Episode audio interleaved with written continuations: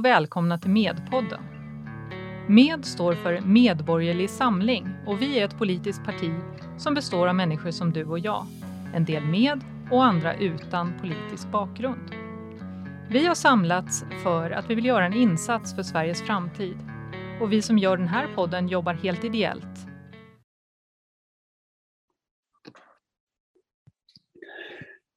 Hej och välkomna till Medpodden. Den första Medpodden som vi nu kör efter valet. Och eh, vi har ett särskilt tema den här gången, nämligen Kommunextra. Medpodden går Kommunextra. Eh, och eh, med mig har jag fyra representanter från fyra av fem kommuner som Medborgerlig Samling tog mandat i, i valet 2022. Eh, och vi kan köra en liten snabb presentationsrunda. Den som talar är Ilan Sadeh. Jag är partiordförande för Medborgerlig Samling. Och nästa man, vi kan hoppa över till dig Kai kanske. Ja, Kaj Räme heter jag och är ersättare i kommunfullmäktige i Järfälla kommun där vi fick två mandat av 61. Yes. Nästa. Jag kan ta då Mikael Kalin eh, Laholm och jag är ordförande i lokalföreningen här. var med och bildade den första lokalföreningen Medborgarsamling för några år sedan här i Laholm. Jag sitter inte med i fullmäktige idag men har varit mycket engagerad under valrörelsen. Vi gick från två mandat som vi tog i förra valet 2018 till fyra stycken och det har medfört en otrolig utveckling som vi kanske återkommer till lite senare vad vi har på gång här lokalt hos oss. Jajamän. Och Niklas Martinsson från Karlshamn är gruppledare för Medborgerlig Samling Karlshamn där vi lyckades ta två mandat och jag sitter med i kommunfullmäktige. Ja, och så har vi en kvar. Är det jag det? Jajamän. Ja, Björn Molin från Österåker. Ja, vi fick ett mandat, jag är ordförande i föreningen här. Men eh, det vi nu startade, vi kom igång i september förra året. Då. Och eh, tyvärr så var jag väldigt aktiv tidigare i ett annat parti och det fanns, jag har träffat flera stycken som har rösta på det partiet och trodde att de röstade på mig, alltså folk som inte kryssade och, och lite tråkigt. Men vi fick ett mandat i varje fall till stor irritation för många. Jag sitter Härligt. alltså. Härligt. Eh, och sen så har vi ju då en femte kommun, eh, Hör, och där har Anna Ljung meddelat att hon har lite tekniska problem. Det kan hända att hon dyker upp här mitt under poddinspelningen och i så fall så hälsar vi henne mer än hjärtligt välkommen. Vi får se hur det blir med det. Eh, men den tiden, den glädjen. Vi får se. Hur som helst, Eh, jag tänkte höra lite med er då. Vilka har de stora frågorna varit i kommunvalet hemma hos er? Ehm, om vi kanske ska börja med, ska vi börja med Laholm? Mikael? Mm, absolut. Vi har ju haft en utveckling under hela förra mandatperioden där vi har sett att de här kärn, kärnverksamheterna helt enkelt har varit väldigt utsatta och framförallt både skolan och delar av omsorgen, men mest inom funktionshinderpolitiken faktiskt. Och vi fångade de frågorna tidigt och vi la upp vår valrörelse runt de här och lyckades då genom motioner och aktivt kampanjande äga de här två frågorna ända in i valrörelsen. Och det gick så långt till och med att företrädare för styret fick gå ut i tidningen och tala om att den här frågan, framförallt skolfrågan, har man gett upp till, till oss helt enkelt. Och vi hade en politik i de här frågorna som gick ända hem då till, till valdagen egentligen. Då. Och det är ganska tydlig medborgerlig samlingpolitik att satsa på de här egentligen kärnverksamheterna som, som folk egentligen vill betala skatt till. Då har man nog inga större problem att göra. Men när man ser att man inte får de effekterna för de skattekronor man lägger på det här och man lägger på annat lullull, då är det ganska enkelt att bedriva en oppositionell politik och peka i en annan riktning. För det vi gjorde i våra motioner, det var inte bara att klanka, utan vi kom med konstruktiva lösningar på skolfrågan som man nu har satt igång och jobbat efter. Så det var en stor framgång mm. för oss. Okej, okay, för att sammanfatta det hela. Skola och eh, funktionshinderpolitik eh, har varit de stora frågorna för er. Kärnverksamheten i kommunen. Eh, och skolfrågan framförallt inom ordningen och strukturen inom skolan. Inte så mycket fokus på resultaten, men ordningen och liksom de här regelverken runt skolverksamheten Mm. Glädjande nog så kan jag då meddela alla lyssnare som inte ser, men ni som ser eh, podden såg kanske att det hände en grej här. Eh, vi fick med oss Anna Ljung eh, från Hör, så att nu är vi faktiskt fulltaliga. Vi är fem av fem medkommuner med. Eh, funkar ljudet, Anna? Ingen reaktion än så länge. Vi får se. Vi återkommer till det. Eh, Nästa, jag kan ju bolla eh, vidare då till, eh, ska vi ta Niklas i Karlshamn. Vilka har de stora frågorna varit för er? Det har ju varit kommunalekonomin och kärnverksamheten också. Vi har ju en kommun som har gått, som är ungefär 32 000 invånare. Där kommunen för ett antal år sedan hade en vision och, och klubbade in visionen att bli 50 000 invånare. Karlshamn har under de åren gått till att bli den femtonde mest skuldsatta kommunen per capita. Man gör fruktansvärt stora investeringar, men man tappar helt kärnverksamheten.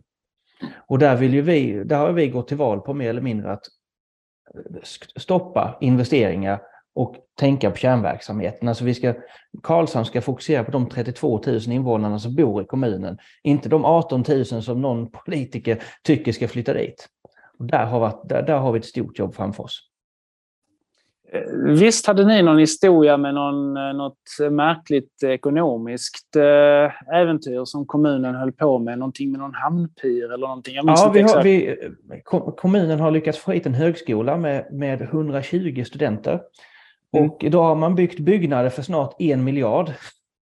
För att många, det är mycket per student. Det, för, per där, så att, och vi, har- den här sista etappen man skulle bygga, man har byggt tre etapper och, och de två första etapperna kostade 200 miljoner. Sen skulle man bygga två hus till för 300 miljoner f- 2014. Nu 2022 har man ett hus som kostar 600 miljoner. Och 600 miljoner investering eh, för en kommun som är 32 000 invånare, där vi har 120 studenter. Alltså det, det, är inte, det finns liksom ingen, ingen verklighetsförankring i det man håller på med. Mm. Och vi kan ju säga då att för två veckor sedan så, kom, så gick politikerna ut och sa att vi ska sänka inomhustemperaturen på skolor och alla offentliga instanser utom på äldreboendena från 21 till 19 grader. Samtidigt då som vi bygger mer eller mindre kontorslokaler för 600 miljoner. Ja, eh, låter som att ni har en hel del att göra där och eh, jag kan nämna då att ni i Karlshamn ni kom in i det här valet så ni är så att säga helt nya i fullmäktige. Laholm har ju suttit i eh, fyra år eh, mellan 2018 och 2022. Eh, nästa ska vi gå till eh, Järfälla kanske, Kai. Vilka har varit de stora frågorna i valet? Nu tror jag du har eh, satt det på mute så att kör, sätt igång. Där, Micken. då, Så. då är vi igång. Ja. Eh, vi hade faktiskt eh, ett helt valmanifest i Järfälla. Och eh, det var stor politik jämfört med våra riksmanifest. Manifest. och eh, vi hade säkerhet och trygghet. Järfälla är en, eh, Eh, ska vi säga, en förort eh, till Stockholm, eh, nordväst om Stockholm utefter E18. Och de flesta kan inte placera Järfälla, men säger man Barkarby så känner många till den gamla flottiljen i alla fall. Och här, här hade vi ganska många olika frågor. Vi hade säkerhet och trygghet, det vill säga det ska vara tryggt att bo i kommunen. Vi har ett sådant utsatt område i kommunen och där det finns bekymmer. Sen var skolan också någonting som eh, vi gick till val på. Vi ville ha en kommunal resursskola istället för att eh, ska vi säga, sprida problemelever till olika skolor så vill vi samla dem till en skola eh, och där vi har pedagoger, rektorer med mera som är bättre betalda och bättre utbildade. Då. Så att det gick vi till val med. Sen så finns det lite trafiksituationer i kommunen som vi vill ska ändras. Eh, det känns ju ibland som att de som har trafikplanerat här har käkat svamp till varje måltid och eh, Sen har vi då profilerat oss också på stoppa, stoppa tiggeriet i kommunen. Eh, De andra partierna gick till val förra valet eh, med att stoppa tiggeriet, men det gjorde de sen inte, så att det blev inget. Eh, Det, det är väl egentligen det då, och eh, manifestet var ju ganska stort och omfattande, för vi försökte täcka in så många områden som möjligt som visste att det behövde förbättras i kommunen. Mm. Så att, eh, det är inga retoriska tre punkter, det är väl snarare ett eh, tiotal punkter som vi har tagit upp. Men eh, sen hade vi stor draghjälp av också att vår ordförande Fredrik Grufman är en lokalkändis. Eh, man ska väl säga en ordningspolis eller aktivist här i kommunen. Han har ju varit ute och städat i naturen där det har dumpats eh, byggsopor och annat skit. Eh, så att eh, det tror vi också var en del av framgången för att eh, nästan hälften av våra väljare la sin personröst på Fredrik och det är ganska imponerande. Och 50 procent av medsedlarna har ordförande kryssade så att det, det, var väl nästan som man trodde att någon trodde att han inte skulle komma in kanske, jag vet inte. Men det var nog blandningen av det plus att hela styrelsen hade ett hårt arbete under hela valkampanjen. Vi hade en valstuga i Jakobsbergs centrum. Det var bemannat de två sista veckorna inför valet, inklusive vardagar. Så att det var också bra att väljarna fick träffa oss på riktigt. Mm. Eh, jag passar vidare till Björn i eh, Österåkers kommun. Vad har varit de stora frågorna där? Eh, först att eh, Österåker är ju en välskött kommun ekonomiskt. Vi sänker skatten igen nu till 16,90 men det får vi tacka er andra för, för att det beror på att vi får så mycket pengar från er i utjämningsbidragen som är grundlagsvidriga. Eh, vi har ju däremot varit, försökt att stoppa utbyggnaden, man förändrar Roslagen här så man kan säga att Österåker ingår i till en stad och det är väldigt många människor som inte gillar det. Sen har vi krigat för att få ha ett kommunalråd för skolan, som finans, eller för utbildningen, som finansieras genom att vi tar bort oppositionsrådet. För ett oppositionsråd behövs inte enligt vår uppfattning. Och det har vi fått många att hålla med om. Alltså. Sen har vi då jobbat med näringslivsfrågor. Jag har ju själv varit företagare nästan hela mitt liv och eh, känner mycket företagare så vi har jobbat hårt med det samtidigt som kommunen då köper in och monterar ner näringslivsfastigheter så vi utökar pendlingen nu och det är faktiskt inget bra. Sen har vi satsat på ridsporten som är eftersatt i vår kommun här. Och sen framförallt så kan jag säga att det, det vi har satsat på det är att skapa en skärgårdsgrupp. Och den har, jag tror att, jag tror, jag vet att utan den så hade vi inte fått en plats i fullmäktige. Och där skulle jag, vi ska ha ett styrelsemöte nu snart och då ska vi försöka ta upp den idén att vi ska slås ihop med andra skärgårdskommuner, Värmdö och Vaxholm och några runt omkring här i Stockholms län i varje fall och skapa en skärgårdsgrupp som har ett gemensamt program och får stort inflytande. Och det tror jag är väldigt intressant för att det är inte så lätt att sitta som fastlänning då liksom och ha åsikter om hur de ska leva ute i skärgården. Precis som tvärtom, de kan inte heller begripa hur vi ska sköta fastlandet om man säger så. så det, det, är de grejerna som vi har jobbat hårt med. Okej, så näringslivsfrågor, skärgårdsfrågor och eh, man kan säga också lite prioriteringar när det gäller den politiska administrationen. Ja. Eh, mer fokus på skola och mindre eh, då på ett, ett särskilt avlönat oppositionsråd. Okej, okay, då ska vi testa om vi slutligen kan få med oss Anna på tråden. Eh, om du sätter igång micken, funkar det då? Så funkar det.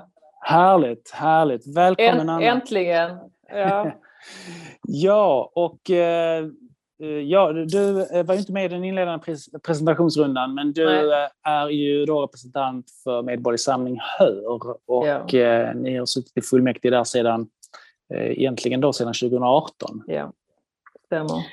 Eh, vad har varit de stora frågorna för HÖR i, eh, i det här valet nu? Uh, ja, alltså vi kör ju fortfarande på det här med transparensen i kommunen. Det är ju, jag tycker att det ska vara en kort väg mellan politiken och medborgarna och det upplever jag att det inte är.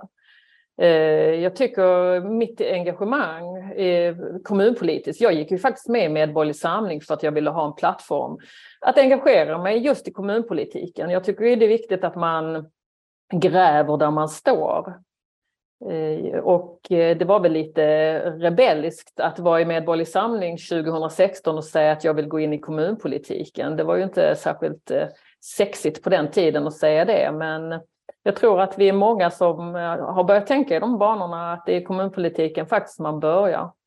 Som skåning så får man ju inte förtroendet till att komma in i riksdagspolitiken om man inte visar att man kämpar för eh, den skånska myllan först och främst. Mm. Eh, och då 2016 eh, när jag engagerade mig, då hade det bara gått två års tid, två, ett, två års tid med att jag letade efter något parti att gå in i och då var det ju för att man ville strypa insynen.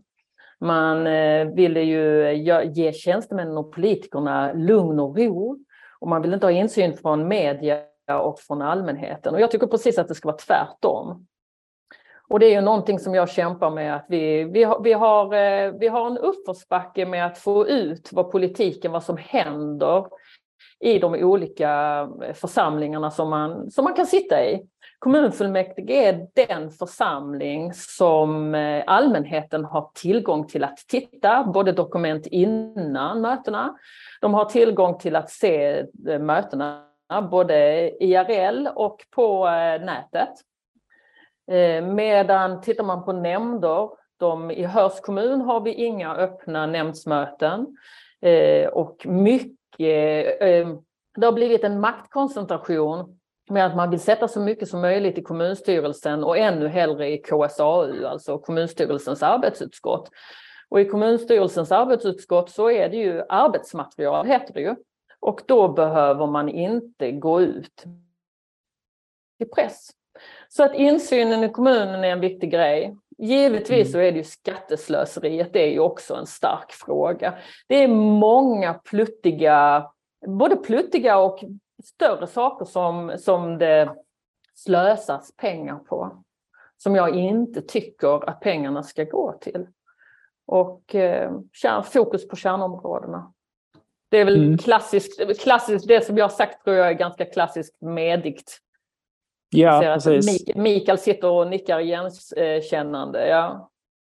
Jo, jo men man ser väl en viss röd tråd här eh, när man lyssnar på er. Eh, när, att det går igenom att det är kärnverksamheter för kommunerna först och, eh, och omprioriteringar inom den kommunala ekonomin i rätt hög grad. Eh, jag tänkte eh, det här med att komma in i fullmäktige eller göra framgångsval för ni som har kommit in i fullmäktige 2018, för det gjorde ju faktiskt ni båda där, både i Laholm och Hör och sen mm. har då vi fått tre nya då, eh, fullmäktige.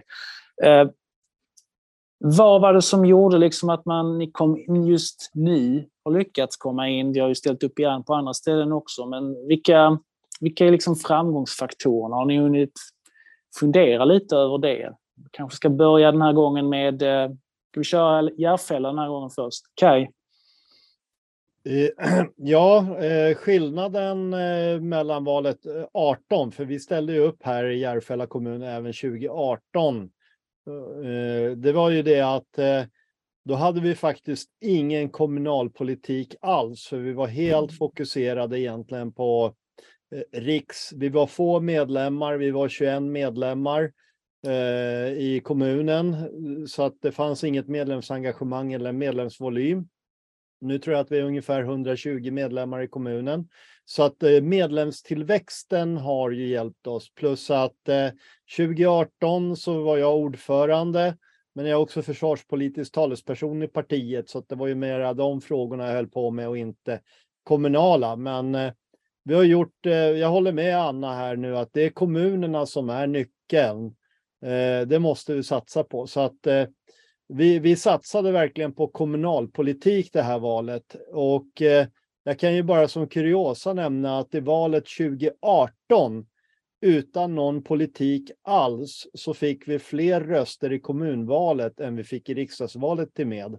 Så att jag har för mig att vi hade 153 riksdagsröster och 159 kommunala röster. Så att eh, det var också en indikation på att gör vi bra kommunpolitik som vi kan försöka informera medborgarna om, då kommer vi att komma in. Så att definitivt det plus att eh, Fredrik kom in som lokalkändis. För att det är, det är också det som är viktigt, att vi måste ha lokala färgstarka personer som driver verksamheten. Eh, ni som kom in redan 2018, ni var ju kommunalkändisar Jag är väl fortfarande kommunal okändis, men vi håller på att bli kändisar nu. Så Mm. att, eh, det, det är den resan man måste göra. Medborgarna måste veta vem man är, Mm. annars röstar de inte på en. Och eh, jag tänker Mikael Laholm, ni var ju inne 2018 och eh, har ju då fördubblat eh, antalet mandat eh, 2022. Eh, hur har ni gått tillväga för att lyckas med det? När vi drog igång 2018 då var det en situation där vi kom från redan andra etablerade partier och det var ju ganska, lite som Kai säger, vi var ju ganska kända och hade gjort ett bra avtryck i den politik som rådde då. Turbulent period, vi klarade av att behålla våra eh, poster i fullmäktige genom att man personvalde oss och Medborgerlig Samling var ju väldigt okänt då, men vi gjorde en intensiv och bra valrörelse. Och de här fyra åren nu, då har vi fått verkligen bevisa vad vi går för. Och och vi har ju, om vi tittar nu på sammanställningen, hur aktiva vi varit i kommunfullmäktige med motioner. Vi var i topp där tillsammans med ett annat parti. Vi har gjort bra utspel i pressen och vi har varit aktiva och allting. Så nu var ju tanken här vi fick ta, det var ju om, om vi ska lyckas nu måste vi skapa en tydlig plattform och eh, det vi också såg väldigt tidigt var att vi kan inte göra som alla andra partier för då kan vi ungefär förvänta oss samma resultat som alla andra får. Och det var det strategivalet där med sociala medier och därför startade vi den här äh, kanalen egentligen med film, med där vi gjorde inslag. Och det började vi med i maj 2021 började vi göra de första filmerna. De är pinsamt dåliga, men vi gjorde dem. Och nu i slutet, nu i valrörelsen, så hade vi ju proffsproduktioner skulle jag vilja påstå. Men de är helt gjorda i egen regi. Vi har inte köpt någonting mer än kamera och tekniken. Men vi är helt självlärda. Och där i den här äh, valrörelsen då med det här mediet och kunna filma vi recenserade, dagen efter fullmäktige kunde vi sitta och recensera vad som sades på fullmäktige. Vi fick en plattform att nå ut med våra budskap. Så vi sålde mm. egentligen vår politik väldigt tydligt i valrörelsen och det har ju gjort skillnad för oss. Då. Ja, jag snackade lite med någon Expressen-journalist som gjorde ju något reportage om er och eh, hon sa till mig så här att ja, känner du till vad, hur det är i Laholm? Så sa jo, jo, jag, är helt, jag, vet, jag håller någorlunda koll. Jo, jo, det är så här, de har liksom satt igång med världens mediesatsning och, eh, och, och det är världens studio och grejer liksom. Och de andra vet ju inte hur de ska hantera detta. Eh, alltså de andra partierna. Det är liksom en helt ny grej. Eh, det här med, det är ju rena CNN-studion, ser det ut som, trots att det är hos Birger, va? eller var är det någonstans? Ja, men vi hade ju 10-20 000 tittare på vissa av inslagen. Ja. De här riktigt tunga inslagen där vi nådde fram med det som berörde våra, våra invånare egentligen, både i och utanför Laholm. Vi hade 10-20 000 när vi gjorde mätningarna sen på kanalerna. Det var ju ett genomslag som de andra kan knacka miljoner dörrar känns det som. Eller mm. alla dörrar i Laholm kan de knacka och de kommer inte upp i den ljusen som vi hade. Nej, nej, Men sen nej. kompletterade vi det med mötena också, så vi var ju på torget och tog samtalen. Och vi fick ju kontakt med så många familjer som hörde av sig och hade sin historia. Och bara att vi lyssnade och tog åt oss av det och såg hur skulle vi kunna göra politik av det här, hur skulle vi kunna hjälpa till? Så det var nog att finnas nära väljaren också som jag tyckte var avgörande också i vårt sammanhang. Och, och sen ska jag bara erkänna också att det politiska hantverket har vi ju en... Vi har ju så förspänt att det politiska hantverket kan vi. Flera av oss, har, jag har hållit på i 16 år i politiken här och så har jag hållit på lång tid innan. Så det politiska hantverket sitter. Så att ska vi göra en interpellation, en motion, en budget. Vi har ju verktygen med hjälp av vår erfarenhet och det. Och det är klart att det, det lyfter oss ju väldigt snabbt och enkelt. Så politiska mm. hantverket måste man också förstå att ha åsikter är ju jättebra, det är ju där det börjar. Men det måste transformeras och bli ett politiskt hantverk som vi kallar det. Även om det kan vara skittråkigt ibland låter det som ett hantverk på det. Men det har en viss tågordning i politiken också. Ju duktigare man är på det, desto vassare politiker blir man. Det bara är så. Eh, om jag passar till Anna då, som är den andra av de två kommunerna här som, där vi har suttit sedan 2018. Eh, du har ju också varit med om att fördubblas i antalet mandat här. Eh, vad, var, vad var grejen där? Vad, vad hände? Ja, men det är ju det första är ju liksom att man är en engagerad medborgare. Jag har ju inte samma eh, erfarenhet som Laholm som har suttit i politiken i andra partier sedan tidigare utan jag var ju eh, jag har ju varit inte inne i något parti innan. Jag letade och letade och kunde absolut inte gå in i de befintliga partierna. Det, det tog mig emot så mycket liksom, så jag gick ju under en lång tid och var eh, politiskt intresserad och engagerad men kunde inte gå in i de partierna. Och så hittade jag Medborgerlig Samling och allt föll på plats. Och då hade jag ju varit ganska mycket ute på olika Facebookgrupper, Opinion Hör och, och, och, lite i de här olika bygrupperna och, och lagt mig i och frågat och ställt politikerna mot väggen och jag har gått på mycket bygdemöten och sådana saker och frågat varför ska ni bygga här och kan vi inte göra så här istället och så. Och sen har jag ju bott på samma, vid den samma landsväg i hela mitt liv ju, så att det, det bidrar ju också att man, man känner ju mycket folk här. Och det uppskattar ju folk att man tar, liksom, man tar ett för laget. Många är väldigt bekväma och, och vill, orkar och tycker politik är liksom, man tycker politik är någonting faktiskt ganska negativt. Och då blir de ju, det är ju tacksamt då att någon annan står på eh, barrikaderna och, och vevar med hörtjuvan. Eh, Sen, eh, ni, ni, körde en kampanj där med partistödet, eller hur? Ja, det gjorde vi ju i detta här valet. Liksom. Och, mm. och nu, nu har vi ju precis som, eh, precis som Järfälla, som Kai berättade, så har vi ju ökat ganska mycket i medlemsantal också. Och vi valde ju med ett mandat och en person som sitter i kommunfullmäktige. Vi sa ju det, vad ska vi göra med allt partistöd? Vi, vi tycker liksom att det är fel i grunden ju. Så vi, vi valde ju liksom att, att dela tillbaka det till invånarna. Det är invånarnas eh, skatte, skattepengar. Mm. Och det är ju en kampanj som de andra partierna tyckte var väldigt obehaglig och tyckte väldigt illa om. Nytt grepp helt enkelt. Ja, och det har Också ju, lite där att man, de andra blev lite paralyserade, precis kanske som i Laholmsfallet, att de, det är att något det, nytt som kommer. Vad, vad ska precis, de göra?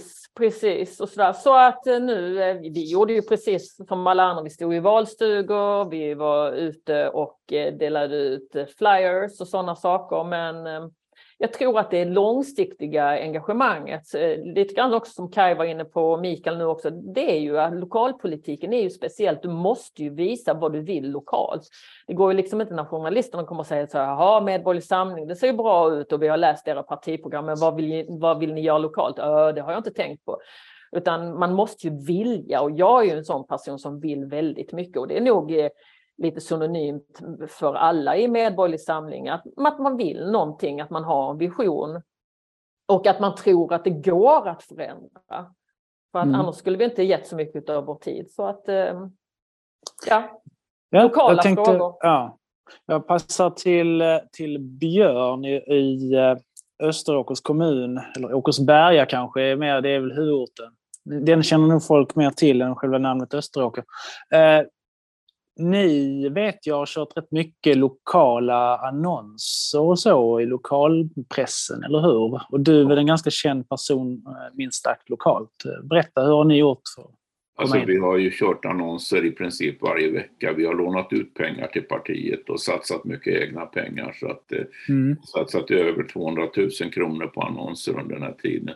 Men vi misslyckas med radioprogrammen. Vi har ju en radiokille som är jätteduktig. Men eh, vi lyckas aldrig komma fram som ni har gjort i andra, på andra områden. Men däremot har vi haft broschyrer och delat ut i varenda hushåll i Österåker och sen har vi då haft eh, program som folk gillar och sen har vi stått på torg. Vi fick inte, fick inte stå på torget men jag har ju politisk erfarenhet så att jag överklagar. Man får inte särbehandla någon. Va? Och då sa de, ah, vi får inte plats. Ja, men vi har en byrå. Ja, men den är för stor, det vet du väl. Det är en vanlig byrå med byrålådor i, som vi stod på torget med. Och de klarade inte av det där och då provade de att sätta oss på den sämsta platsen men det var den bästa platsen. Sen vägrade vi att flytta oss. Och sen har vi ju, ja, både jag och då Lennart Berneklint som är med mig här, vi, vi är ju liksom kända personer i kommunen och jag, jag tror inte att det är så jävla många som tycker illa om oss utan vi, vi, har ju inte haft någon anledning. Jag, jag sålde mina två tryckerier för att bli kommunstyrelseordförande för Moderaterna 98 och det gjorde jag för att jag, jag tyckte de var så jävla dumma. Så företaget gick bra och jag tjänade mycket pengar men jag tänkte nu behöver jag vila upp med några år i kommunaltjänst. Och Det gjorde jag. Så att, eh, Ja, Okej, okay. ja det vet jag man säger om kommunalarbetare. Men eh, jag behöver inte dra massa sådana tradiga skämt här nu. Men... Jämfört med tryckeri med 13 anställda kan jag tala om att det var rena drömmen att få 2100 anställda som kommunaltjänsteman som man mm. faktiskt blev nästan då. Så, men det var bra. Det, det, det gick bra de där fyra åren. Ja. Eh, Niklas, ni, eh, ni kom lite där som en stormvind på slutet kändes det som i, i valet och fick rätt mycket uppmärksamhet precis före valdagen, eller hur? Vad var som hände? Liksom, vilka framgångsfaktorer kan du komma på? Vad gjorde ni rätt? Ja, i, i mitt fall, så, eller vårt fall, så var det nog jag som var den lilla profilen som hållit, hållit låda i Karlshamn, både i tidningen och på sociala medier i, i lite över två år. Ah, sen, du har hållit på lite längre som, jag har hållit på i som egen eh, medborgare. Som medborgare, precis. Mm. Och granskat och varit en nagel i ögat på, eh, som, som Anna sa lite, men det vi saknar fruktansvärt, en fruktansvärt dålig transparens. Och det bara rinner ut pengar i kommunen på sånt den ska göra. Och då träffades vi ett gäng i våras faktiskt och sa att vi, vi vet ju inte vad vi ska rösta på för vi kan inte rösta på någonting. Och då eh, bestämde vi oss för att vi ska starta ett parti. Det blev Medborgerlig Samling. Och vi fortsatte. Jag har kört mycket sagt i Facebook och medier och lyckades få med det i Medborgerlig Samlings regi. Så eh, som sagt, eh, både, både veckorna innan valet och dag, till och med dagen innan valet så var det rätt så stora reportage. Så vi syntes ju i alla fall i sociala medier och i tidningarna väldigt mycket. Och sen så, så, så stod vi på torget och, och liksom visade ödmjukhet till väljarna och visade att här är vi. Det, det, är, de, det är de här fysiska personerna ni, ni kan rösta på om ni vill. Mm. Och vi hade nog en stor medvind, att som sagt en stor, var stor missnöje och då ser man hur blocken, för Karlshamn har varit styrt av eh, socialdemokrater sedan demokratin infördes så att det, det blev ett maktskifte. Och det är första gången som sagt sen, sen, röstan, sen väljarna kunde börja rösta. Och ja, i, i, i, Just det, Karlshamn har ju alltid varit illrött. Eh, ja. Det har väl varit alltså rödare än, äh, än, än Vänsterpartiet. Ni har väl till och med haft KPMLR och sådär? Va? Vi hade några profiler som startade eget parti för många år sedan, var riktiga kommunister och de fick ju 14 procent i kommunvalet. Och det ja. också, de gjorde lite som oss, att de drev liksom specifika frågor och, och red lite på en missnöjesvåg. Mm.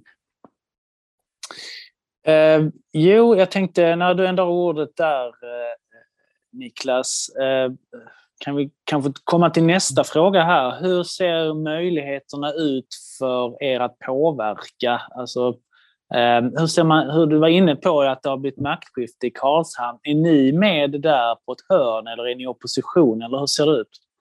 Vi har sagt att vi ska vara opposition, vi kommer inte vara med i styret. Däremot har vi gått i en valteknisk samverkan med de, blå, de övriga blå partierna som nu styr. Och eh, med det gör att vi både har en ersättarplats i kommunstyrelsen och jag kommer sitta i stadsvapnet då som är koncernmoden till alla dessa eh, kommunala bolag som, eh, som, som äskar pengar av kommun hela tiden. Så vi tycker ändå att vi har fått med våra två, få två mandat av 51 i Karlshamns kommun så tycker vi ändå att vi har fått liksom bra utväxling på dem med ett valtekniskt samarbete. Med det vi vill åstadkomma.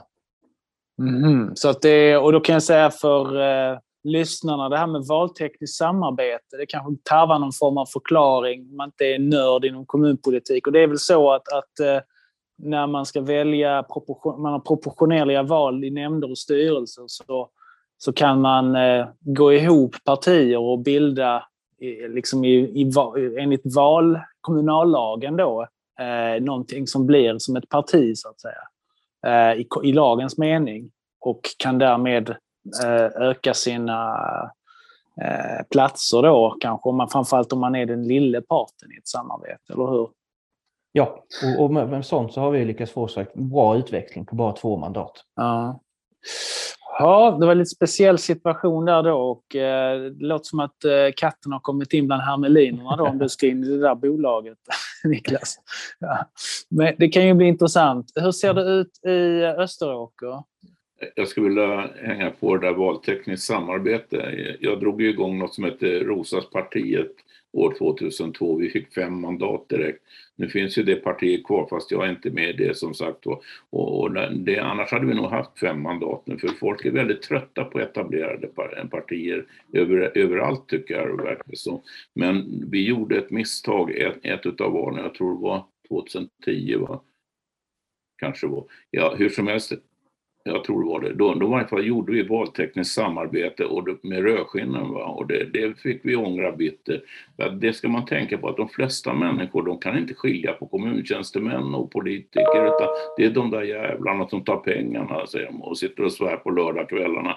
Så att eh, vi blev plötsligt utpekade som några socialister. Alltså, och det, hur mycket man än förklarade så var det alltid en misstanke. Så skulle vi gå in i en valtekniskt samarbete så är det i varje fall på den borgerliga sidan, precis som ni har gjort, alltså, en, en varningens finger för att gå ihop med rödskinnen. Det är inte bra faktiskt. Okay. Vad var frågan sen? frågan var lite mer, var är ni i kommunpolitiken idag? Är ni i någon opposition eller är ni, är ni i någon samverkan med majoriteten? Det är vi mot resten. Så att det, det är jag. Det är ni mot resten. Det alltså det, det, det, alltså de vet ju mina åsikter. Det är, tillsammans med kommunstyrelsens ordförande Mikaela Fletcher så är vi de mest knallblå politikerna i den här kommunen. Så, och de gör en massa bra grejer, men de gör en massa dumt också. Det, mm. Vi behövs. Och de lyssnar på oss faktiskt. Ja. ja. ja men, eh, och hur ser parlamentariska läget ut i Järfälla? Ja, Eh, Järfälla är ju lite av en flip-flop kommun. Varannan gång borgerligt, varannan gång socialistiskt. Och den här gången ah, det swing state. socialistiskt. Så att, eh, och det var Centerpartiet och den lokala starka Centerpartimannen här. Eh, några, ja, han skrev ju en, han var medförfattare till en artikel i Svenskan där Centerpartiet tyckte att de skulle bli mer borgerliga.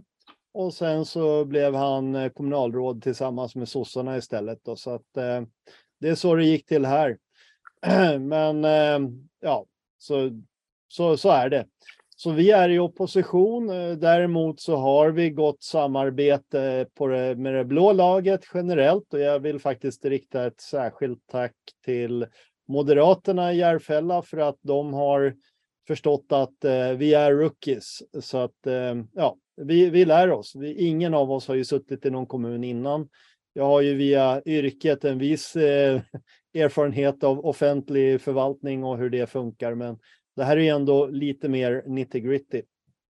Slutresultatet i det här är att vi har ju prioriterat insyn eftersom våra två mandat ger ju inte så mycket i det här fallet i kommunfullmäktige, utan det vi har fått det är att eh, vi har då två ordinarie i kommunfullmäktige och två ersättare. Eh, sen sitter jag som ersättare i kommunstyrelsen och det är också mer en insynspost. Då. Det, det lär ju inte bli så mycket praktiskt arbete på det sättet, men man får reda på mycket och det är ju det är första steget för att börja ändra på det som man tycker är mindre bra. Eh, sen eh, har vi faktiskt eh, också Ja, den stora grejen för oss det är att vi får en heltidsanställd politisk sekreterare från första december och det är Tommy Källarsson, vår vice ordförande.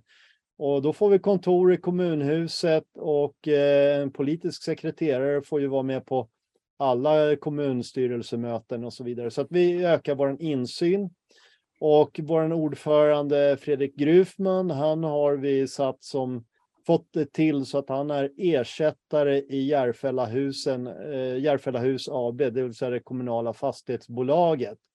Och då kan vi kanske börja påverka det som händer i våra problemområden. Så att eh, jag, jag, tycker att vi fick eh, bra stöd där. Jag, jag, vill också ge en eloge till valnämnden i Järfälla kommun för att eh, de eh, ordnade med distribution av våra valsedlar till valdagen så att eh, vi skickade in eh, valsedlarna till kommunen så fanns det en initial distribution.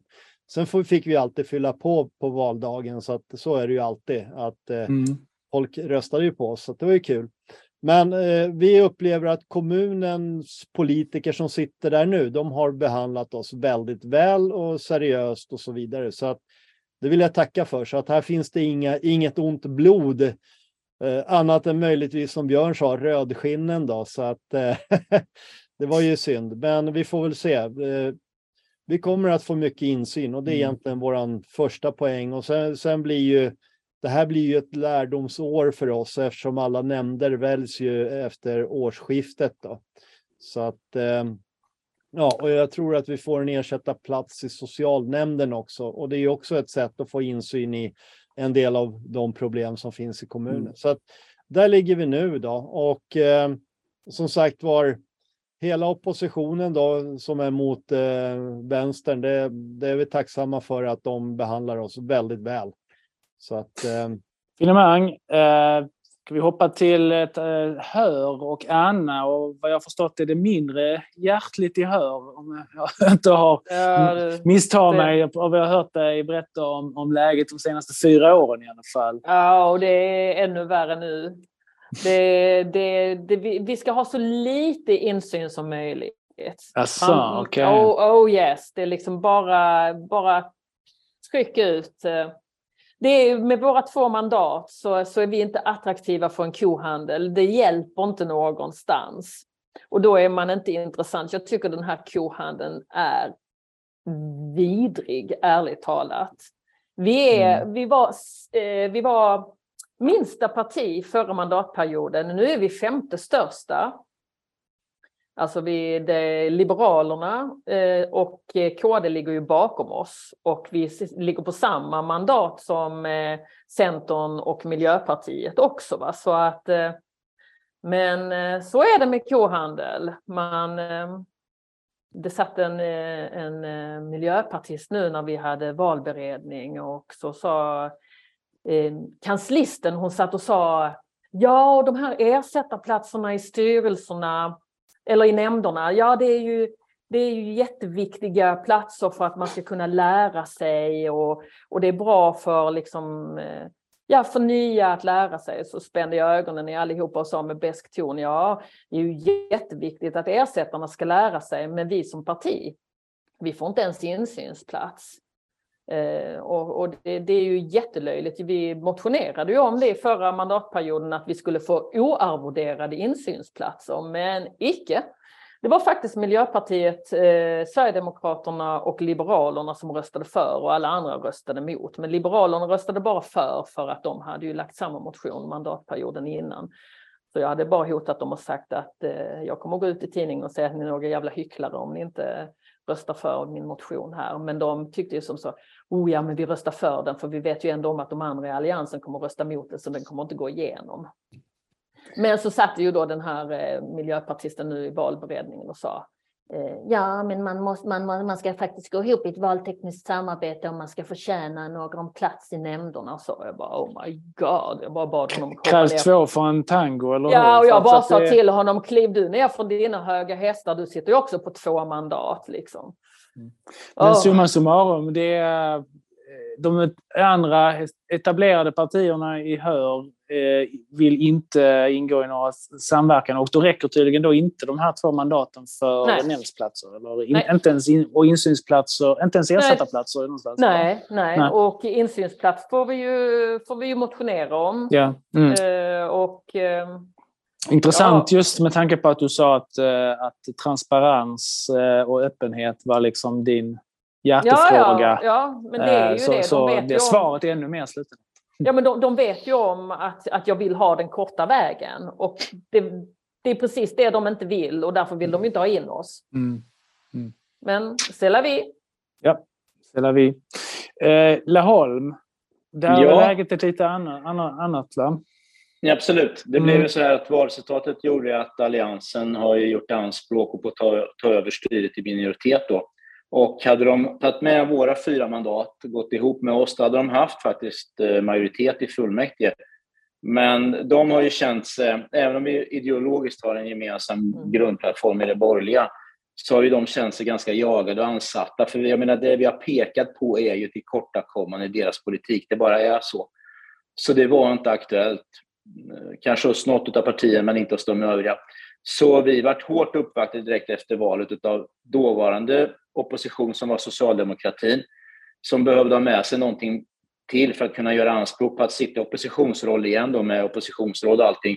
Men samtidigt så kom ju Sverigedemokraterna eh, med ett erbjudande också. Och eh, här har vi diskuterat fram och tillbaka. Vi har fått väldigt bra erbjudanden av bägge alternativen. Men eh, vi tycker att socialdemokratin i sin oppositionsroll som har varit, de har inte skött sitt uppdrag. De förtjänar inte det uppdraget helt enkelt. Så vi gjorde en valteknisk samverkan med Sverigedemokraterna och har sparkat ut socialdemokratin från Stadshuset. Eh, vi har förhandlat väl. Så jag tror att vår Per-Åke Eriksson är historisk i Medborgerlig för att för en månad sedan här så blev han vald till andre vice ordförande i kommunfullmäktige. Vi kommer sitta som andre vice ordförande i socialnämnden, andre vice ordförande i kultur och utvecklingsnämnden. Vi har ordinarie ledamot och ersättare i både barn och ungdomsnämnden och i samhällsbyggnadsnämnden. Vi har ordinarie och ersättarplats i kommunstyrelsen. Vi har en ordinarie plats i kommunala fastighetsbolaget. Vi har ordförandeposten i kommunrevisionen som det ser ut nu, plus en ordinarie i kommunrevisionen. Ja, hur länge ska jag fortsätta? Ja. Ungefär, vi, vi, har, vi har ungefär 20 uppdrag nu som vi har fördelat mm. på vår lista som består av ungefär 20 personer. Och det här skapar ett helt annat läge för oss. Eh, mm. Vi har en insyn, nej, vi har möjlighet att påverka inifrån på riktigt nu då, i en oppositionsroll. Men om man tittar nu på att vi tillsammans håller då eh, 20, 30, ja vad blir det, strax över 30, 30 stycken mandat av 41 i fullmäktige i den borgerliga kanten. Och det innebär att jag ser goda förutsättningar att göra bra överenskommelser när det är befogat, men också att vi kan driva en oppositionell roll där det behövs och där vi kan ta krafttag i de frågorna vi vill driva. Så det här är ett, jag skulle vilja säga, vi hade hoppats på att ingå i styret, men det här är good enough, det kan jag lova er. Mm. Så det, vi, vi är jätteglada här. Det är bra förhandlat av de som har gjort det och, och vi känner ett otroligt stöd omkring oss. Då. Eh, alliansen är ju lite skakad, shaken and störd skulle jag vilja påstå. Eh, de bävar väl lite för vad som komma skall när vi sitter på insidan på riktigt. För jag menar, vi har åstadkommit mycket från den yttre sidan vi har suttit, men nu är vi inne i det. Så det här ska bli otroligt spännande. Um, när det gäller eh, kommunpolitiken i stort då. Eh, jag tänker, vi har ju eh, erfarit i det här valet att eh, vi har gått eh, ganska bra på flera håll i kommunerna i Medborgerlig Samling. I alla fall om man jämför med, med riksresultatet. Riksresultatet kanske också speglade lite det här extremt jämna läget som det var mellan blocken och så vidare, vilket gjorde att många väljare valde att, att rösta på något etablerat. Men hur som helst, man kan ju konstatera, tror jag, att vi kan vi kanske bör lära ett och annat eh, ifrån eh, det lokala, hur man driver kampanjer från kommunpolitiken i hur vi ska göra på riksnivå. Har ni några tankar om detta? Jag släpper ordet helt fritt. Ni har ju ändå lyckats, ni som sitter här. Även jag, tycker, ja. jag, ty jag tycker ändå det är viktigt att vi bygger underifrån. För det kan vi se i Karlshamn till exempel. Vi är en liten kommun. Det är relativt enkelt att komma in i de små kommunerna. Och där kan vi även se att vi ställde upp i regionen, Region Blekinge, och det var förvånansvärt många som röstade på Medborgerlig Samling i regionen fast att de med stor sannolikhet visste att det var en bortkastad röst. Vi ser ju att det här valet var jämnt som sa så det var väldigt många. Vi trodde faktiskt på ett större valresultat, att få en högre siffra, men vi såg i valresultatet också att det var väldigt många som röstade samma i alla tre val. Eh, och, och där behöver vi bygga underifrån så att nästa gång folk går till valurnorna så tar de medborgerlig samling i alla tre val. Och har de ingen lokal anknytning i kommunen eller regionen så tror jag inte man tar riksvalsedeln heller lika lätt. Utan, men har man en lokal anknytning, man ser att det är några som gör ett bra jobb i kommunen, då tror jag vi kan växa organiskt upp, uppåt. Ja, jag mm. tänkte kommentera också lite grann då. Eh, min upplevelse var att eh, Eh, vi hade faktiskt väljare, vi sa så här, och på grund av det jämna läget och de kampanjerna som fördes eh, mot eh, med från högersidan så eh, det vi sa så här, ja men rösta på oss i så fall i kommun och region i alla fall. Visa att ni inte är hundra nöjda med ert riksdagsval. Och vi hade folk som hade förtidsröstat som pratade med oss i valstugan och som sa att de skulle rösta på oss på valdagen istället, att de skulle ändra sin röst, när, åtminstone när det gäller kommun och region. Ehm, och jag tror också att eh, vi måste vara medvetna om att vinna val kostar pengar. Eh, Järfälla kommuns valkampanj, det var då ordföranden som eh, satte de pengarna, det var ungefär en kvarts miljon kronor. Och det är allt ifrån utskick till förstagångsväljare, det är valstuga, det var 600 stycken valaffischer som vi hade uppe i kommunen.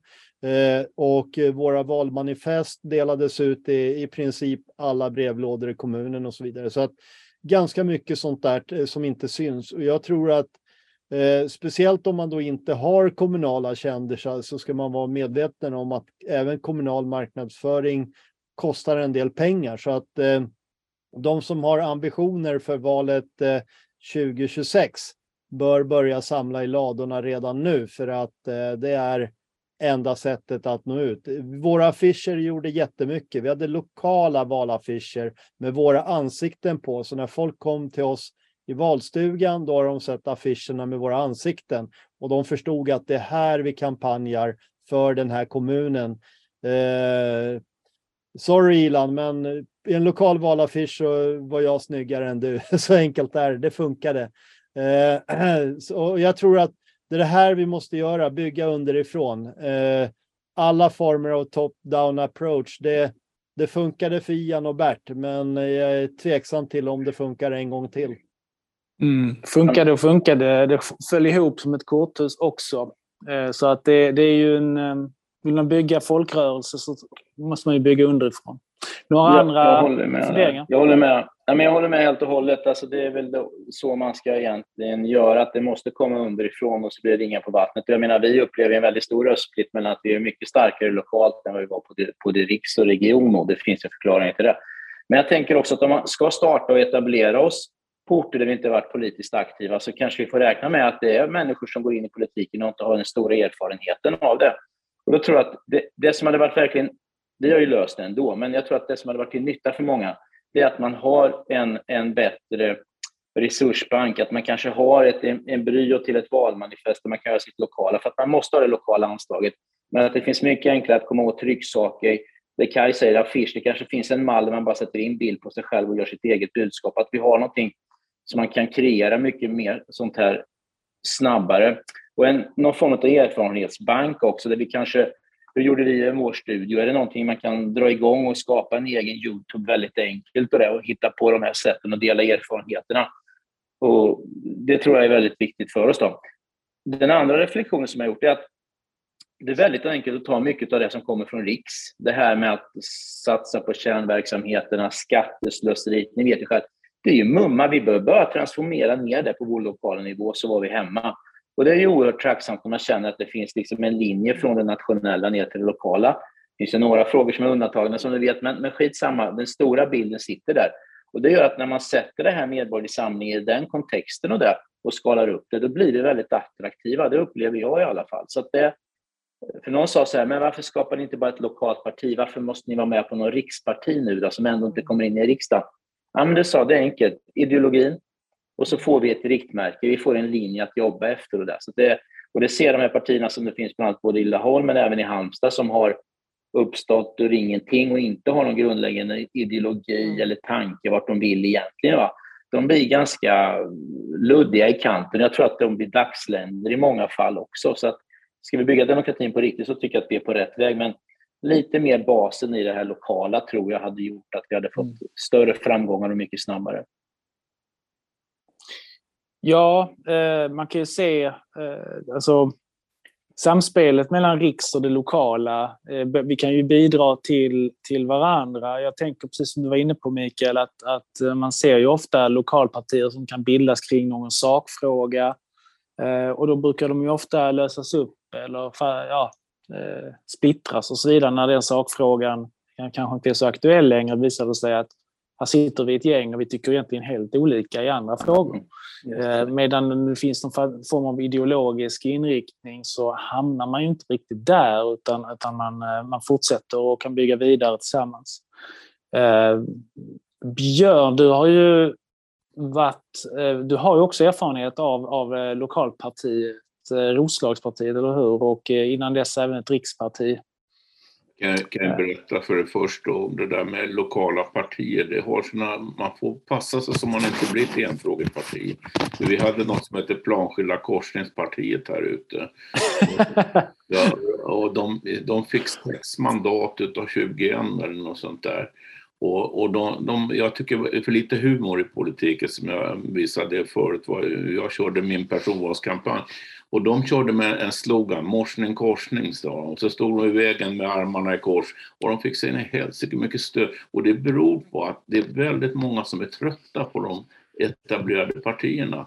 Men de försvann ju efter ett val. Så var de borta, då fanns den där korsningen. Så sa alla andra, det har vi också tänkt att göra. Men eh, mm. de, de gjorde i varje fall jättebra. Men jag, jag, tycker det är ganska meningslöst att ha ett enfrågeparti.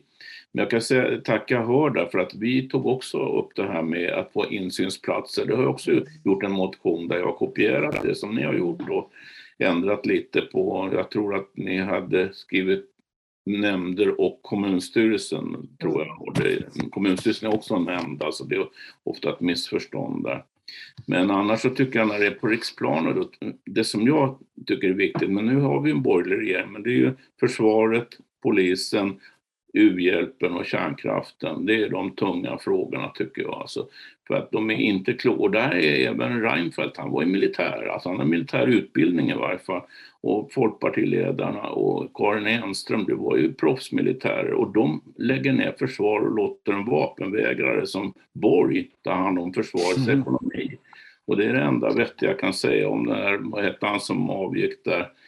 Ehm, efter 14 dagar. Han sa att jag kan, får jag inte någon budget till försvar då kan jag inte vara försvarsminister. Och det tycker jag faktiskt hedrade honom, men annars är vi inte särskilt goda vänner. Men man kan ja, inte vara utan vapen. Det, det, var de gamla, nya, nya gamla moderaterna kan vi kalla det kanske. Ny utgåva nu, de gör, gör små skinnömsningar efter ett tag, men det är klart, kärnan är väl densamma någonstans. Mm. Uh, Hörni, tiden springer. Eh, jag tänkte jag har en liten avslutande fundering här. Ehm, jag eh, tycker att det verkar som att efter det här kommunvalet så har det blivit eh, lite vanligare, i alla fall mer uppmärksammat i media med sådana här blocköverskridande historier mellan Socialdemokraterna och Moderaterna på flera håll. Vi har ju en, Eh, vi har ju, vi har ju en situation nu i Sölvesborg till exempel som har blivit rikskända för att ja, det har ju varit SD innan och SD gick framåt jättemycket men sen så hoppade Moderaterna av det där och, gick, och, kuckelurade med sossarna istället. Eh, samma sak har hänt i Lunds kommun. Eh, samma sak, om jag inte såg fel, så har det hänt i Örebro kommun, en ganska stor kommun. Eh, och det förekommer på flera platser. Jag undrar, är det här någon slags trend eller vad är det vi ser? Har ni några funderingar kring detta? Jag får, säga, jag får säga en sak när det gäller Sverigedemokraterna. Jag har jobbat med reklam i hela mitt liv och jag kan säga jag är övertygad om att minst hälften av deras framgångar beror på de andra partiernas idioti och prata skit om dem hela tiden. Man kan mm. inte sälja Volvo och använda hela tiden till att stå och peka på någon annans bil. Köp inte en Ford, den är värdelös. Istället för att berätta vad man själv vill och hur duktig man är. Det, och de fortsätter dårarna att prata skit om dem igen. Det, det, är inte, ett, inte ett illa ord om kommunisterna fast de håller på att slå ihjäl halva Ukraina här. Det säger man ingenting om. Men det här är fel alltså. Man får inte lägga ner tiden på att misskreditera konkurrenterna på det här sättet som man har gjort. Det blir en backlash istället. Men nu när det gäller de här, eh, det här blocköverskridande, eller mm. jag vet inte vad vi ska kalla det. Är det, är det någonting nytt? Eller Oheliga det... allianser. Ja. Oheliga ja, allianser kanske vi kan kalla det. Jag skulle precis säga det. Du tog orden om munnen på mig, Niklas. Men, men detta tycker jag speglar någonting som, som faktiskt Medborgerlig Samling står för också. Att vi ska vara politiker med yrken, inte yrkespolitiker. För kollar man som i Sölvesborg, som är vår grannkommun där detta händer, så är det att eh, Sverigedemokraterna gick fram väldigt kraftigt. Moderaterna backade lite och Moderaterna trodde, trots att de hade färre mandat, att de skulle få lika många arvoderade platser. Och det som hände då var ju att Moderaterna gick till Sverigedemok eller Socialdemokraterna och där fick man, så det handlar bara om makt och pengar. Och det, jag säger det, samma. Det, det, det, kan vi se även i, i det kan jag säga, som vi snackade om filspel med valteknisk samverkan, det märkte vi ju i i Karlshamns kommun också att eh, vad heter det, det, at the end of the day så handlar det ju egentligen bara om makt och pengarna för många av dem. Jag var på mitt första kommunfullmäktigemöte där jag satt med i måndags förra veckan och jag, av 51 ledamöter så var det väl på sin höjd 5-10 stycken som faktiskt hade läst underlaget. Vi var väl fyra totalt som var framme och pratade. Eh, och de andra sitter där mest för serving time för att få sitt arvode, är, är min personliga känsla. Vi har ju, den här situationen har vi i Halmstad nu också, där det var nästan klart att en variant på Alliansen med stöttning av SD, men de fick inte ingå, men det var en valteknisk situation i alla fall. De skulle ta styret och fem över tolv, alltså precis dagarna innan kommunfullmäktige, så på lördagen, och det här var på tisdagen eller måndagen, då gjordes det om så att sossarna och moderaterna skapade ett nytt styre och avpoliterade SD och det. Så jag tror att det här är nog framtvingat av SDs framgångar lokalt, där man inte vill ta med dem i båten. Man försöker göra sig oberoende fast ändå beroende av dem. Och det blir så mycket slitningar i respektive parti och de känner att de håller på att förlora makten och då hittar man in i den här oheliga alliansen. Och så skyller man på att tiderna kräver detta. Men det finns egentligen förutsättningar för att bilda stabilare majoriteter som är, även ligger ideologiskt rätt. Och det här tycker jag också väcker en annan viktig fråga. Många säger att det inte är så mycket politisk ideologi på kommunal nivå och det är ju sant. Men man kan också göra politisk ideologi på kommunal nivå om man bara vill och orkar och vågar faktiskt. Och det är det vi försöker göra och jag tror att man vinner i längden på det. Men det här det är en märklig utveckling och precis som Niklas säger, det jag ser, jag vet ju vilka individerna är. De är i princip ekonomiskt beroende av de här uppdragen. De har gjort sig beroende av att få de här pengarna varje månad. Och det är för illa om jag ska vara ärlig. Mm. Ja, I Karlshamns kommun har jag i flera år publicerat vad, vad de tio bäst betalda eh, lokalpolitikerna tar ut i arvoden. Och det är ju, kan ju vara mer än dubbelt så mycket som de får ut på sitt vanliga jobb i bara arvoden. Och det, det, ser man ju när, de, när, när det blir ett maktskifte i Karlshamn nu så ser man ju de som inte får behålla sina platser nu. De är ju likbleka. De, de, hela deras försörjning har ju raserats här med ett maktskifte. Just. Ja, det, det är ju schablon, eh, schablonsiffror beroende på för varje position du får. KSAU har x antal procent av ett basbelopp. Eh, och sen så såg vi ju, vilken kommun var det? Norrtälje? Var det det där det var lite skandal nu mm, med eh, att, att, liksom att i min kommun så har vi ju eh, att, man, att kommunalråd, eh, KSO, kommunstyrelsens, kommunstyrelsens ordförande, han får ju eh, ungefär lika mycket som ett, eh, vad heter det, eh, riksdagsledamot och det tycker jag, jag personligen tycker att det är inte mer än rätt. Jag tror att det är mycket tuffare att vara en KSO än att sitta och vara en riksdagsledamot. Det är mycket mer utelämnande post. Eh, så att det, det tycker jag är helt fair enough. Jag kommer aldrig gnälla på den summan. Men andra kommuner har ju att det ska vara si och så mycket av en minister. Medan då andra har, det var väl Norrtälje som nu hade utav statsministerns lön. Och man blir ju helt mörkrädd. Vad, vad, är, vad är det de sysslar med? Men nu har vi ju i Hörs kommun, där har vi ju eh, i och med att det blir lite kall på linjen med hur, hur maktstrukturen kommer att se ut. Då, då funderar man nu på att eh, instifta en vad heter det, andra vice, alltså att man, man tjoffar till ytterligare eh, eh, grejer i presidiet för att alla ska vara nöjda. Och, och, det är ju lite som så att eh, man, man ger lite grann till varandra för att man ska hålla tyst och tycka att det är okej. Okay. Ja, sen, sen, ja. Ja. ja, jag skulle säga det, det är väl ganska vanligt också att, att många, eh, det är inte bara de här kommunalråden utan där är ju nästa våg av politiker där det faktiskt är många som, som får rätt hyfsat därför att de har många uppdrag helt mm. enkelt. Så vi tillsammans hade, blir en, ja. en, gör man sig en rätt stor hacka på det. Vi hade ju en, eh, en kille från Liberalerna som hade 12 uppdrag men han blev, han blev sned på alltihopa. Så att han lämnade in alla sina uppdrag och eh, även till partiet eh, då i förra året. Och då såg man ju när, han, när man skulle ersätta alla hans platser, 12 uppdrag. Tror tusan mm. att han eh, till sist pös, liksom, det blev kanske för mycket. Mm. Jag kan säga att Österåker har utnyttjat den här Norrtälje-skandalen lite grann för att här har vi då exempelvis så KSO får 1,3 gånger riksdagsledamoten i arvode och det kommer att bli 90 000 någonting. Men eh, oppositionsrådet som jag inte vill man ska tillsätta, där har jag jämfört det med genomsnittslöntagaren i Österåker tjänar 33 000 i månaden.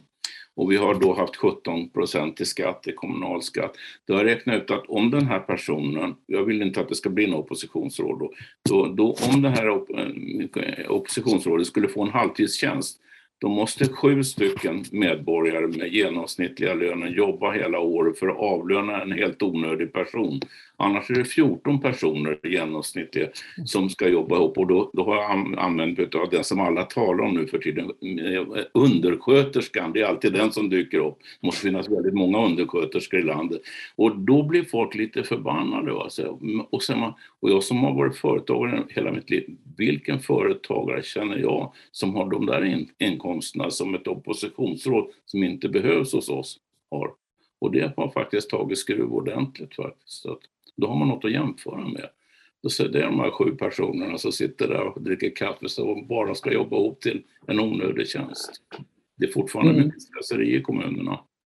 Får jag, bara ställa en, får jag bara ställa en fråga till allihopa? Hur stora är era kommuner och hur många kommunfullmäktige ledamöter har ni? Vi har 48 000 invånare och 51 ledamöter, varav 20 stycken gör någonting. Resten sitter som pappdockor där de kan lika gärna ersättas av en skylt. Ja. Vi tar laget runt då. Hur ser det ut hos er andra? Karlshamn har 32 000 invånare och 51 ledamöter. Samma som Österåker, ja. Med lite färre, färre invånare. Och eh, Laholm? 26 000 invånare, 41 ledamöter. Ja, ni hade åtminstone lite färre. Och hur ser det ut i Järfälla?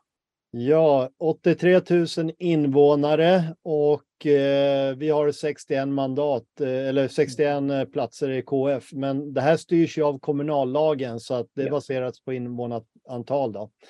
Eh, så att eh, det är det som bestämmer mängden. Mm. Nej, det är det inte. Det, det, jo, uh, det finns en marginal. Alltså, ja, det är, där är en schablon, men sen mm. kan man ju välja att ändra det.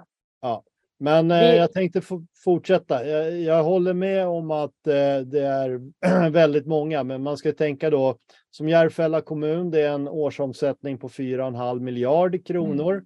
Och jag tror att eh, de här S och M-allianserna, de sadomasochistiska allianserna, det är helt enkelt för brödfödan, inte för att man har gemensam politik. Och dessutom eh, hålla bort insynen ifrån alla ens historiska misstag. Då.